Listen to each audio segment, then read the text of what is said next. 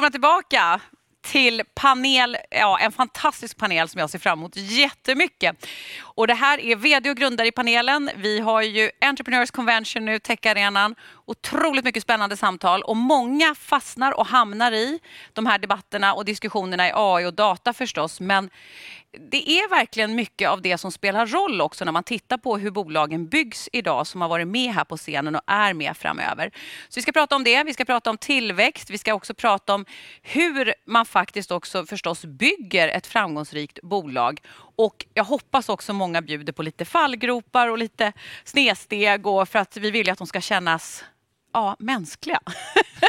Välkomna Jonas, Daniel och Anders. Tack så mycket. Tack så mycket. Tack så mycket. Anders, du är med oss på länk och vi var lite avundsjuka här när vi hörde var du är någonstans. Vi sitter i Stockholm och sänder live och du sänder live från?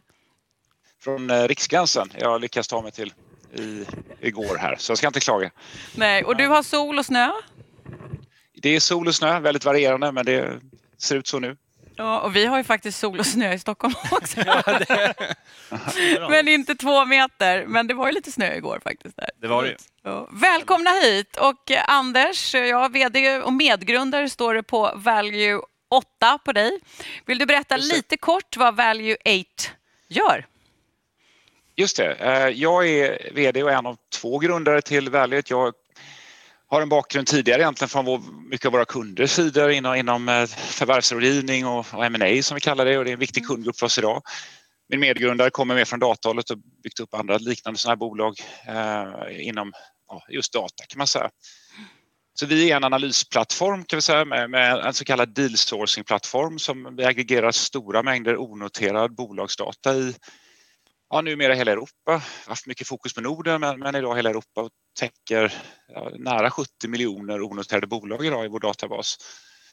Eh, och med olika nivåer liksom av, av detaljerad data beroende på vilka förutsättningar som finns i varje land och region. Mm.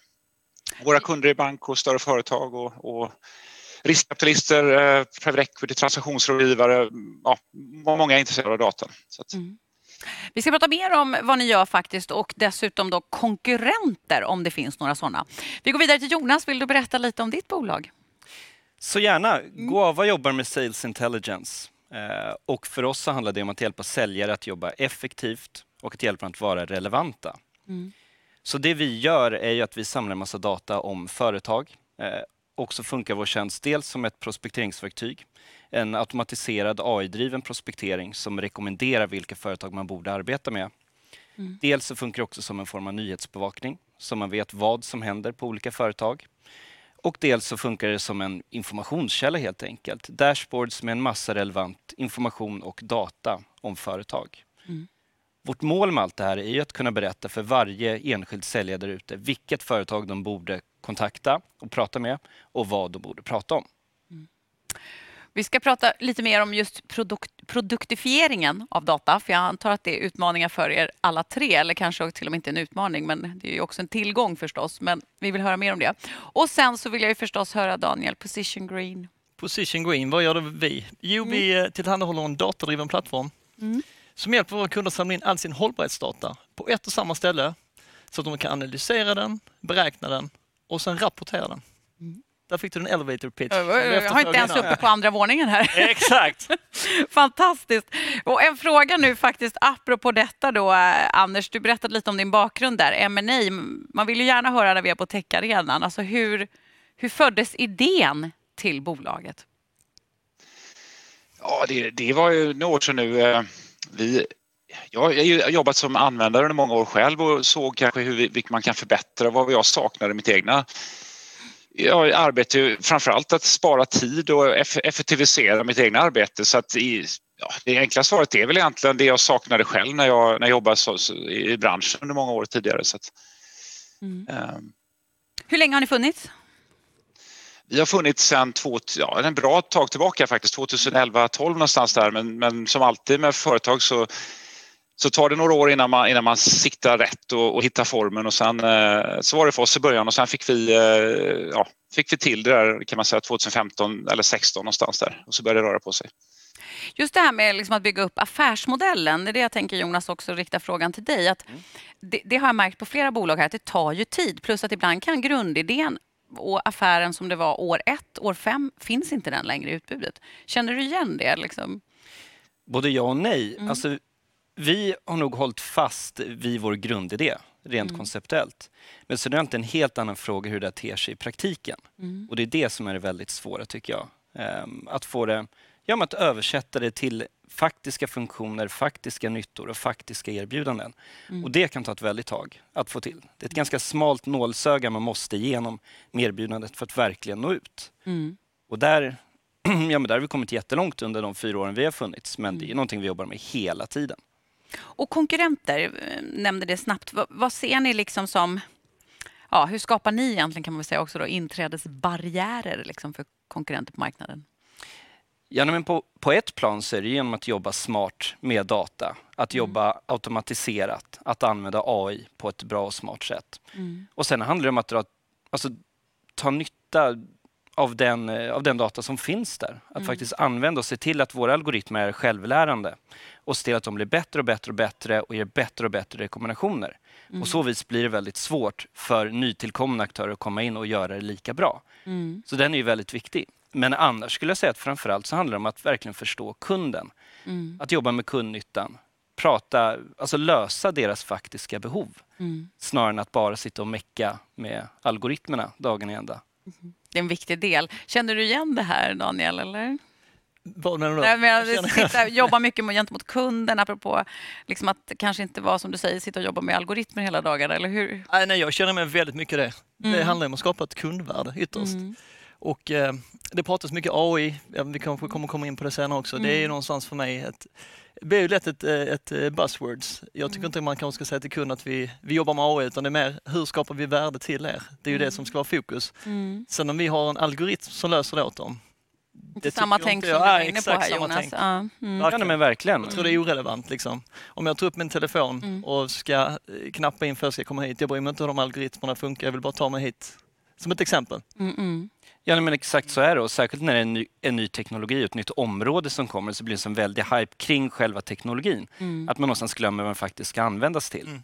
Mm. Och om det är någonting som jag inte är så orolig för eh, så är det just de här liksom, smarta personer som sitter och kommer på fantastiska algoritmer men inte riktigt har kontakt med marknaden, inte riktigt förstår hur det faktiskt funkar i den bransch där de är verksamma. Mm då känner jag mig ganska lugn. Då känner jag att det där kommer nog bli en jätte, jättebra skrivbordsprodukt. Ja.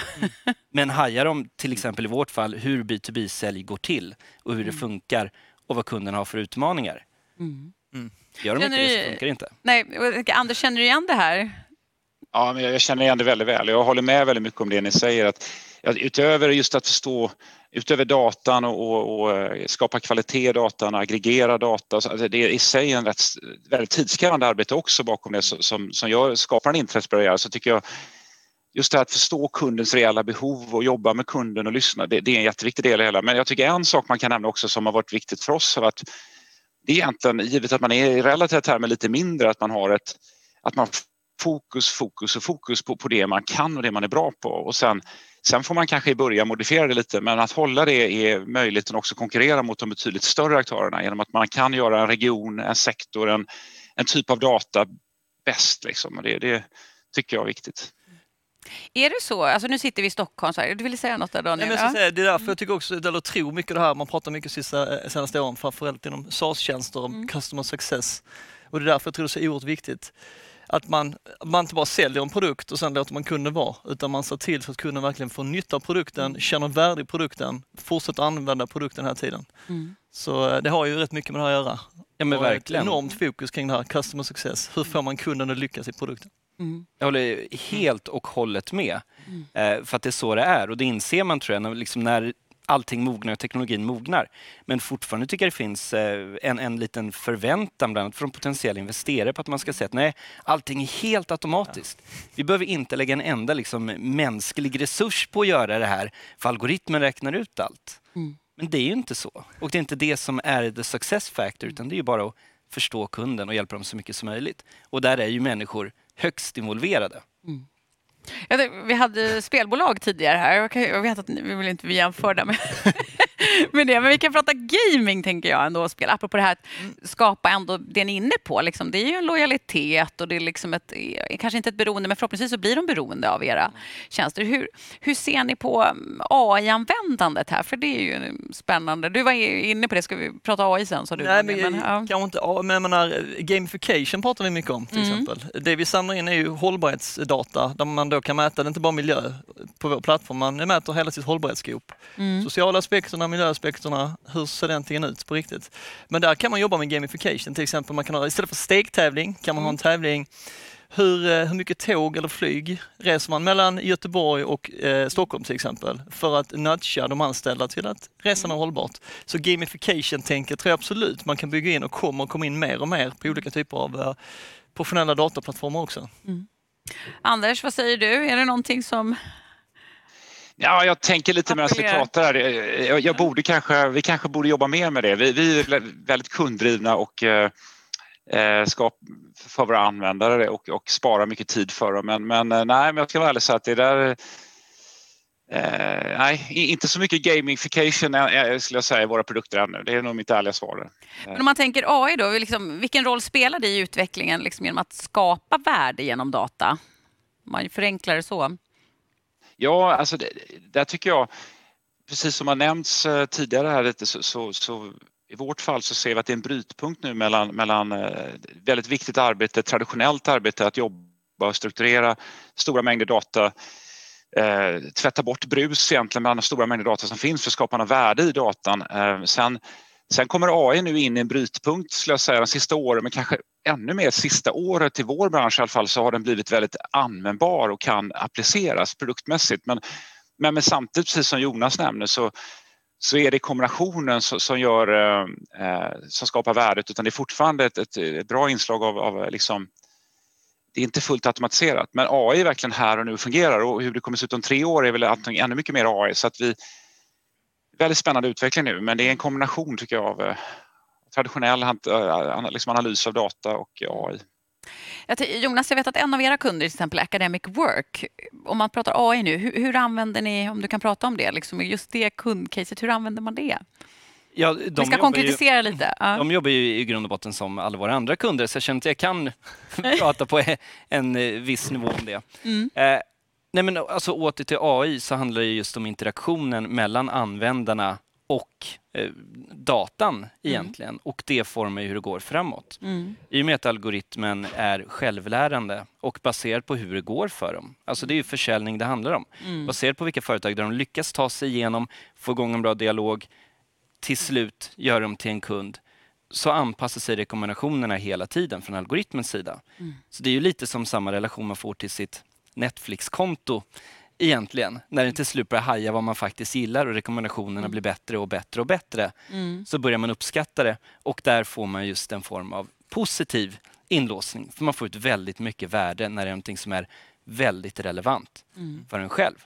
Mm. Och i det där tycker jag det nästan finns, nu, ja, det är nästan lite vackert, det där samspelet mellan datan och människorna som AI möjliggör.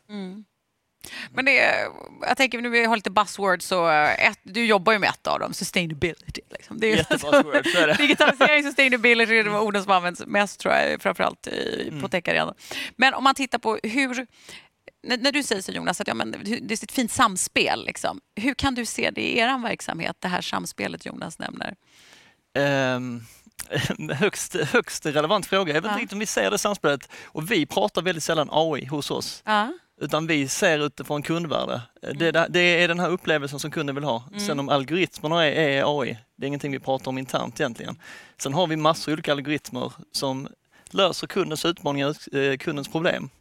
Det är det, det som vi fokuserar väldigt mycket på. Jag menar, nu är jag ingen AI-expert, för fem öre vill jag bara eh, flagga för. Det är därför Men du är här. Åh nej. jag tror det var fel Daniel Nej, du förbjöd Daniel. in. Men, eh. Nej, jag skojar. jag har fel panel, men jag stämmer.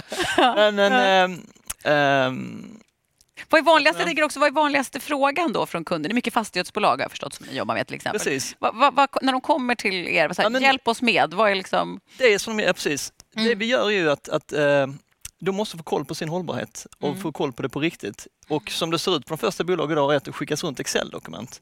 En person får uppgift att nu måste vi kolla hur ser hållbarheten ut här. Mm. Då ska man samla in energi och det är avfall och det är vattenförbrukning och det är tjänsteresor och det är HR och det är Mm. könsfördelning. Allt det skickas runt Excel-dokument till hela organisationerna och mejl och så ska det sammanställas i något dokument. Hållbarhetsrapporten. Ja. Och så ska det bli en rapport och sen usch, nu är vi klara. Nu är det nytt år, ny rapport igen. Det är ett kaos.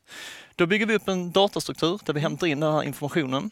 Eh, dels eh, från eh, andra system, kanske ett HR-system de tar en viss information ifrån. De kanske läser in en del data från en avfallsleverantör. Mm. En del är manuell, för det är både kvantitativ och kvalitativ data vi kan samla in. Mm. De får in det, de kan bygga sina dashboards, analysera det, de kan räkna sina CO2-utsläpp och sen rapportera det. Mm. Så det är det som är det hela det behovet som vi någonstans löser. Så Mm. du hade en fråga om konkurrenter. Excel är ju någonstans vår största konkurrent på det sättet skulle jag säga. Excel, alltså jag måste ha en panel om Excel någon gång. Ja, alltså. När kommer det dö? Anders, Ja, kommer men det det någonsin att dö? Eller? Ja, det är, det är, hos våra kunder är det nog väldigt starkt närvarande. Där har vi även, även i vår plattform ännu, så det är otroligt eh, vilket ett verktyg som har hängt med så länge och fortfarande eh, står så Eller hur? starkt. Liksom. Jag blir så fascinerad av det. Men jag tänker så här, jag fick en siffra här när du, jag fick reda på att du skulle vara med och det var att de täcker data över 60 miljoner privata företag och organisationer i Europa. Ja, Alltså, kan du berätta vad, vad innehåller de här, alltså täcker data över 60 miljoner privata företag och organisationer Ja, i det- Europa? Jag bara känner att vi måste nog avsluta här samtalet nu. Wow! Nej, Alltså, det, det berätta. just det, det, ja, men det Ja. är precis alltså, i- en del av vårt värde och det har att göra lite med i den branschen, men vi har mycket investerare egentligen som kunder i olika former och rådgivet investerare och där, Mm. där det handlar om att det finns ett överskott av kapital idag äntligen på marknaden och, och eh, det ser man inte minst på börsen. Och, Mm. jakten på onoterade bolag är jätteintensiv nu. Och då gäller det egentligen att hitta utanför the beaten track lite, hitta utanför för eh, de, bolagen som ligger i mediebruset då, ut- utan eh, eh, hitta nålen i höstacken. Och, och givet då som du har 60 miljoner bolag i eh, ungefär de 15 länderna vi täcker då, eller ännu mer idag skulle jag säga, så är det en enorm mängd data och då blir våra sökmotorer väldigt viktiga och där kommer AI in i, i det hela och då som du nämnde också Jonas, som man t- tänk dig Spotify när du får, du får föreslaget för dig, det här bolaget liknar det bolaget du tittar på, kan det här vara relevant för dig?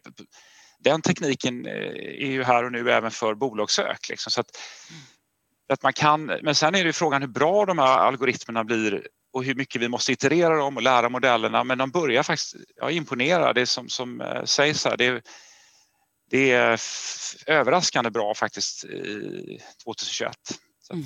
Och eh, apropå det, finns det något som trendar här? Alltså jag tänker på alla bolag då som cirkulerar på techarenan som säger att det här är det som är mest hett nu. Det här är man ute efter. Är det, är det tech inom eh, green technology eller vad är liksom, vad, kan du se någon gällande intresset? Ja, ja precis så svåra företag. Ja, men det är ju ofta mycket, ofta är det ju mycket, liksom nya eh, heta industrier som du, som, som du själv har nämnt då, men Mm. inte minst eh, Daniel, ditt, ditt bolag, det, det du håller på med. Kanske även lite det, det, den terminologin som vi sätter på oss själva, SaaS-bolag, eh, olika typer av tech. Eh, ja, det där vet ni lika väl svaret på som jag egentligen. Men, men med det sagt så finns det många som letar efter andra typer av bolag eh, som inte kanske ligger inom det men som ändå är väldigt intressanta men som, är betydligt, som inte alls får det här eh, medie-limelightet på sig men som, Mm. som, är, som dessutom går att kanske att komma, ja, investera i till andra prisnivåer och så vidare. Så att, Nej, men för det, det som eh, vi pratade i några paneler om det här digitala språnget som har skett på alla möjliga sätt under covid. Allt från eh, arbetssätt till intresse för digitala lösningar och så vidare. Jag tittar lite på dig nu Jonas. Att, eh, märker ni, apropå det du nämnde också, Startbolagen, känner ni det att åh, det har kommit ett ännu större intresse? Finns det en covid-effekt på den typen av verksamhet som, som ni har när det gäller intresset? Ja, det verkar Ja. som det. Alltså, I början av hela covid-köret så var det väl lite allmän panik hos alla. Men så fort det la sig så har vi definitivt märkt ett ökat intresse. Och det tror jag dels beror på just att man tvingas vara digital på ett annat sätt. Och att företag som har varit mer traditionella, kanske suttit mer med Excel just, känner att nej, men de måste göra någonting nytt och plötsligt så vågar de prova nya arbetssätt. Samtidigt så tror jag också att det är rent krasst en fråga om att företag behöver hämta igen omsättning också. Så det är många som behöver gasa. Det är många fat cats som är slimmade just nu. Och det passar ju oss bra, för vi kan hjälpa dem. Finns det någon, om du ska, eh, jag vet inte, det kanske finns lite potentiella kunder som tittar här. Om du skulle, Ja, men har du någon drömkund du skulle vilja måla upp sådär som, alltså utifrån attribut tänker jag, du behöver inte nämna företagsnamn, men som du känner att det här, här skulle vi, den här typen av bolag, där gör vi nytta. Jo, men vi vet att vi har en väldigt sweet spot i marknaden. Dels när det är företag som faktiskt behöver nysälja och gör det eh, ordentligt och dedikerat eh, och har en antingen en stor potentiell målgrupp eller har en stor del av sin målgrupp som inte är penetrerad än. Mm. Där kan vi verkligen eh, hjälpa till med prospektering. Mm. Men sen med våra andra ben, vi jobbar mycket med CRM enrichment och att alltså tillföra värde i CRM-system till exempel genom att eh, tillgängliggöra data om företag. Det har ju alla behov av. Mm. Det är lite spännande. Anders, vad, vad är covid-effekten hos er? Bortsett från att ni sitter på, vid Riksgränsen och jobbar nu allihopa, eller? Ja, det, ja, det, det, men nej, men det, det är... eh, jag lite. att Ja. det, ja, men Jonas, det liknar eh, egentligen det lite du beskriver, att från den här första förvirringen så, så landade det lite sen eh, i att, att ja, men på samma tema som nämnde, att kapitalet finns där fortfarande, ligger där och bränner och vill investera. Så, Mm. och, och, så vi har ju sett en, en, faktiskt en positiv effekt och intressant faktiskt även under sommaren i Norden där man brukar se en tydlig liksom, juli ner, Ja. nedgång då så var det ett jättetryck förra året. Eh, För jag tror många bolag kände att nu, nu behövde de hämta igen och, och ligga på och så där. Så att jag tror många på den, hela transaktions, vi ser på våra morgonbrev vilken aktivitet det är på förvärv och på så att det är en, eh, jag upplever att det har varit en jättehög aktivitet och kanske även då lite mer optimistiskt att det funnits möjligheter eh, under, under det här året i vissa branscher kanske och lite cyniskt möjligtvis men, men ändå. Vi brukar lyfta fram på techarenan och skryta med det här innovationssverige och hur bra vi är för techbolag, startup och att vi har ett bra klimat. Vi pratade senast om det här med EKN till exempel, som också apropå pengar sitter med en kassa tillsammans med Vinnova. Och hur, jag tänker Anders utifrån, alltså ni jobbar ju väldigt globalt. Hur ser man på bara det här de facto att ni är ett svenskt bolag, om jag törs gå in på det som varumärke? Och konkurrenter. Har det varit en stor tillgång för er att säga att Made Ja, men det, det, tycker jag, Sweden. det tycker jag är jättebra frågor att ställa och det, det tar lite också avstamp i, i eh, hela vårt DNA i vårt företag. Jag tror att det finns en nordisk, så här, vi kallar oss mer nordiska än svenska skulle jag säga. Och Mm. det finns, det finns en, en stolthet i det och, jag tror det är en kvalitetsstämpel.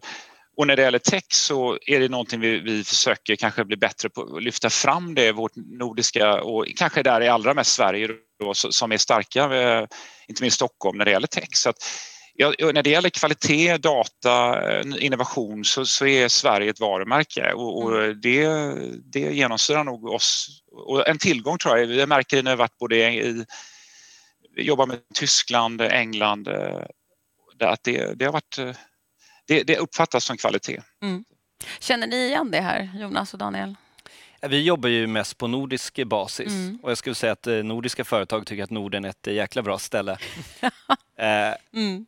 och vi har ju också, men liksom i vår bransch och hela liksom intelligence-branschen så är Norden ett väldigt bra ställe för det finns väldigt mycket information tillgängligt, Mm. öppet och publikt. Och det gör ju också att det dyker upp många aktörer här. Mm. Så det är ju en väldig innovationskraft och det händer väldigt mycket. Mm. Sen så ska vi, det återstår att vi tar vårt nordiska försprång ner på kontinenten ordentligt. Och här, jag, tänkte faktiskt, jag vet inte om ni tittade i mo- morse på, eh, jag jobbar på Al Jazeera förut, så jag börjar morgonen med att titta på Al Jazeera. Och det roliga var att när jag satte på i morse tänkte på dig faktiskt Daniel, för då är Greta Thunberg över hela skärmen angående klimatkonferens och Biden. Och då tänkte jag på det, men hur mycket, vi ska inte prata Greta Thunberg här, men Sverige och sustainability, där har vi också någonting som sitter ihop väl? Ja, Innan. Greta till och med, Nej, men. Ja, eh, mm. nu har vi varit väldigt fokuserade på Sverige till att börja med, för det finns så oerhört mycket att göra här. Men Mm. vi har redan fått in kunder i både Norge, Danmark, eh, Belgien, England, Tyskland. På grund av när vi, de kontaktar oss, ni svenskar, dels de bitarna ni varit inne på sen, Mm. vi kan sustainability. Mm. Svenskar har koll på det här, ni har Greta. Ja, Era det, det stora dyker tek- det upp alltså nej, nej. Det absolut. Och även här, era Ja. stora fina teknikbolag Ja. eh, tar det här på allvar. Eh, och eh, jag menar Spotify är väl hållbar inom det sociala, de har Mm. parental leave i USA. Alltså det, jag tror det smittar av sig. Så det ska vi absolut dra nytta av. Har det, åter tillbaka här, omedelbart, du får grundaren av Teckaren, du får inte prata covid mer minst max en gång per panel. Men Anders, jag måste, ändå, jag måste ändå fråga, apropå det här med trenden och eh, green tech som jag sa. Intresset för bolag kring sustainability, har det varit en covid-effekt på det intresset eller har det varit konstant? Ja, alltså det, det, det finns i uh, en av Eh, absolut ser vi det intresset. Mm. Vi ser det på den typen av kunder vi har som använder system så det är helt solklart så. Sen ska jag väl säga att vi, vi är rätt försiktiga med att läsa, vilket vi diskuterar mycket, men vi av integritetsskäl för våra kunder och användare egentligen så, så, så är vi försiktiga med att läsa av egentligen vad, vad, vad vilka bolag de söker på, vad de mm. det, det, det är ett känsligt område för våra kunder egentligen. Så att, men helt klart ser vi den trenden, det gör vi. Mm. Uh, nu vill man ju gärna fråga lite mer om Riksgränsen också, men jag förstår att, att du är där just av liksom, säkert privata skäl. Men det här, om man tittar på, ni är inte så många anställda, eller hur? Och ni har ändå då ett alltså, gigantiskt verksamhetsfält. Mm. Uh, hur skulle du, om du tittar liksom två år framåt på er verksamhet och hur ni jobbar med data, vad ser du där? Vad kommer att vara de största förändringarna tror du gällande bolaget? Jag pratar inte antal anställda utan mer så här, hur, hur tror du att verksamheten ser ut två, tre år framåt? Ja, vi vet, vi vet enligt vår plan relativt väl vad vi ska vara om tre år. Vi jobbar ofta med treårsplaner. Liksom. Det är svårt att se ens tre år framåt men jag tror att Eh, AI har vi nämnt, det, det, kommer relativt rasande, det kommer fort nu in liksom. så att mm. eh, man ska inte överdriva men det, det, har pratats länge om det men jag upplever att det är här och nu då, så det kommer påverka oss mycket. Mm. Sen eh, skulle jag säga att när det gäller vår, eh, som du säger, vi, vi har fått jobba med mycket med automatisering av data och relativt få resurser som, så visst, vi växer organisatoriskt nu, det är självklart så men utöver det så är det för oss mycket fokus på huvudmarknader utanför Norden nu för, för, för Tyskland och England är givetvis två stora marknader för oss. Då. Så mm. Det är väl ett, ingen, ingen rocket science där egentligen utan vi, vi eh, det handlar om att etablera sig i varje region och, och, och, och få, en, eh, få ett varumärke i varje, varje marknad man är. Då. Så att, mm. eh, jag skulle tro om tre år att det, norra Europa är fokus för oss men, men jag skulle säga att covid-effekten är intressant att nämna. Det, det har varit en positiv effekt som inte har nämnts här idag. Det är att våra kundmöten och våra eh, produktdemos eh, eftersom vi är ett, ett SaaS-bolag med en mjukvara lämpar mm. sig väldigt väl för webbdemos och fysiska möten är egentligen inte nödvändigt. Så att det gör att vi kan marknadsföra oss på ja, på, på ett väldigt smidigt sätt eh, ja, oberoende av landsgränser egentligen. Mm. Och det, det, tror jag har, har blivit ännu mycket mer så i länder som Tyskland, Italien, Frankrike, där tror jag det fysiska mötet har varit väldigt, väldigt viktigt. Då. I Sverige har vi nog varit rätt så duktiga på webbmöten tidigare med men mm. stor förändring i, eh, i andra delar av Europa tror jag. Mm. Jätteintressant att du nämner det. Jag tänker på det, jag hade en diskussion häromdagen, vi pratade om cashless societies, apropå det med betalningslösningar och så vidare. Och då kan man ju se att Sverige hade en siffra 2014 så var 2,5 procent av alla transaktioner i Sverige, nu kanske ni har en senare, var kontanter. 2014, 2,5 procent. Och där var, då ledde vi liksom världen på cashless. Apropå det du säger också med digital mognad bara i Europa, Tyskland, Frankrike. Jonas, Norden nu, eh, om man tittar två år framåt för, för ert bolag, hur ser det ut? Finns det ambitioner att växa utanför Norden? Det gör det, men vi kommer ägna de kommande två åren att bli mycket större i Norden. Mm. Eh, jag hoppas väl om två år att jag sitter på motsvarande, motsvarande panel både i Oslo, i Köpenhamn och i Helsingfors. Mm. Eh, så vi har mycket mm. att göra där. Om man tittar också, som Anders var inne på, om man tittar på AI-data, hur kommer utbudet se ut hos er då tror du? Vad, vad, utifrån vad ni gör nu och tjänsteportföljen liksom? Nej, men det är ju, mm. alltså där bakom kulisserna så är det ju det. Eh, det är det som finns eh, mm. bakom kulisserna helt enkelt och styr allting och det tror jag kommer göra i en ännu större utsträckning. Mm. Och det dyker upp och det blir billigare att använda och det blir mer, mer och mer standardiserat. Mm. Eh, och därmed så blir det inte riktigt det som är det riktigt spännande. Och som vi varit inne på, det blir inte riktigt det som är success factorn utan det är att förstå kunderna och lyckas uppnå det man vill göra, det vill säga att lösa deras behov. Mm. Daniel, tillbaka till ditt favoritämne då, AI. Hur kommer ni jobba med AI om, om två år? Nej, men hur, hur, vad tror du utifrån Men vad ni gör idag? Hur kommer det se ut? Produkt, tjänster? Eh, det händer nu, som, som Anders var inne på, det händer ju väldigt, väldigt mycket hela tiden. Mm. Eh, sen har man ju pratat om det, men att AI kom väl på 50-talet. Liksom. Det har funnits i 70 år. Nu Mm. tror jag det går snabbare och snabbare, det händer mer saker hela tiden. Så vi jobbar ju absolut med det och vi har algoritmer och liknande. Men jag ser det som en självklarhet idag någonstans att driver du ett techbolag och vill eh, skapa värde hos kunder så jobbar du med det på ett eller annat sätt. Liksom. Mm. Det är mer så. Lite roligt att ni säger det, för att panelen förra året så pratade man om AI som, egentligen vill jag inte säga för det är så icke-politiskt korrekt, men då var det någon som sa it's like teenage sex, everybody said it done it but nobody has.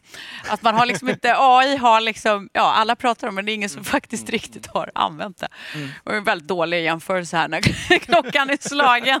Men eh, det var otroligt spännande att ha er här och jag ser fram emot att höra vidare. Och tack så jättemycket Anders för att du har varit med oss på länk. Hoppas du får åka ut i backarna nu då. Det är planen. Tack så mycket. Härligt. Tack så jättemycket Anders och tack Jonas och Daniel. Fantastiskt spännande panel. Och fortsätt hänga med oss här på Tech Arena Entrepreneurs Convention. Vi fortsätter om en liten stund med ytterligare spännande paneler där AI också är en del förstås. Vi pratar tillväxt, det går inte att prata tillväxt utan AI och också olika typer av bolagsformer. Välkomna tillbaka!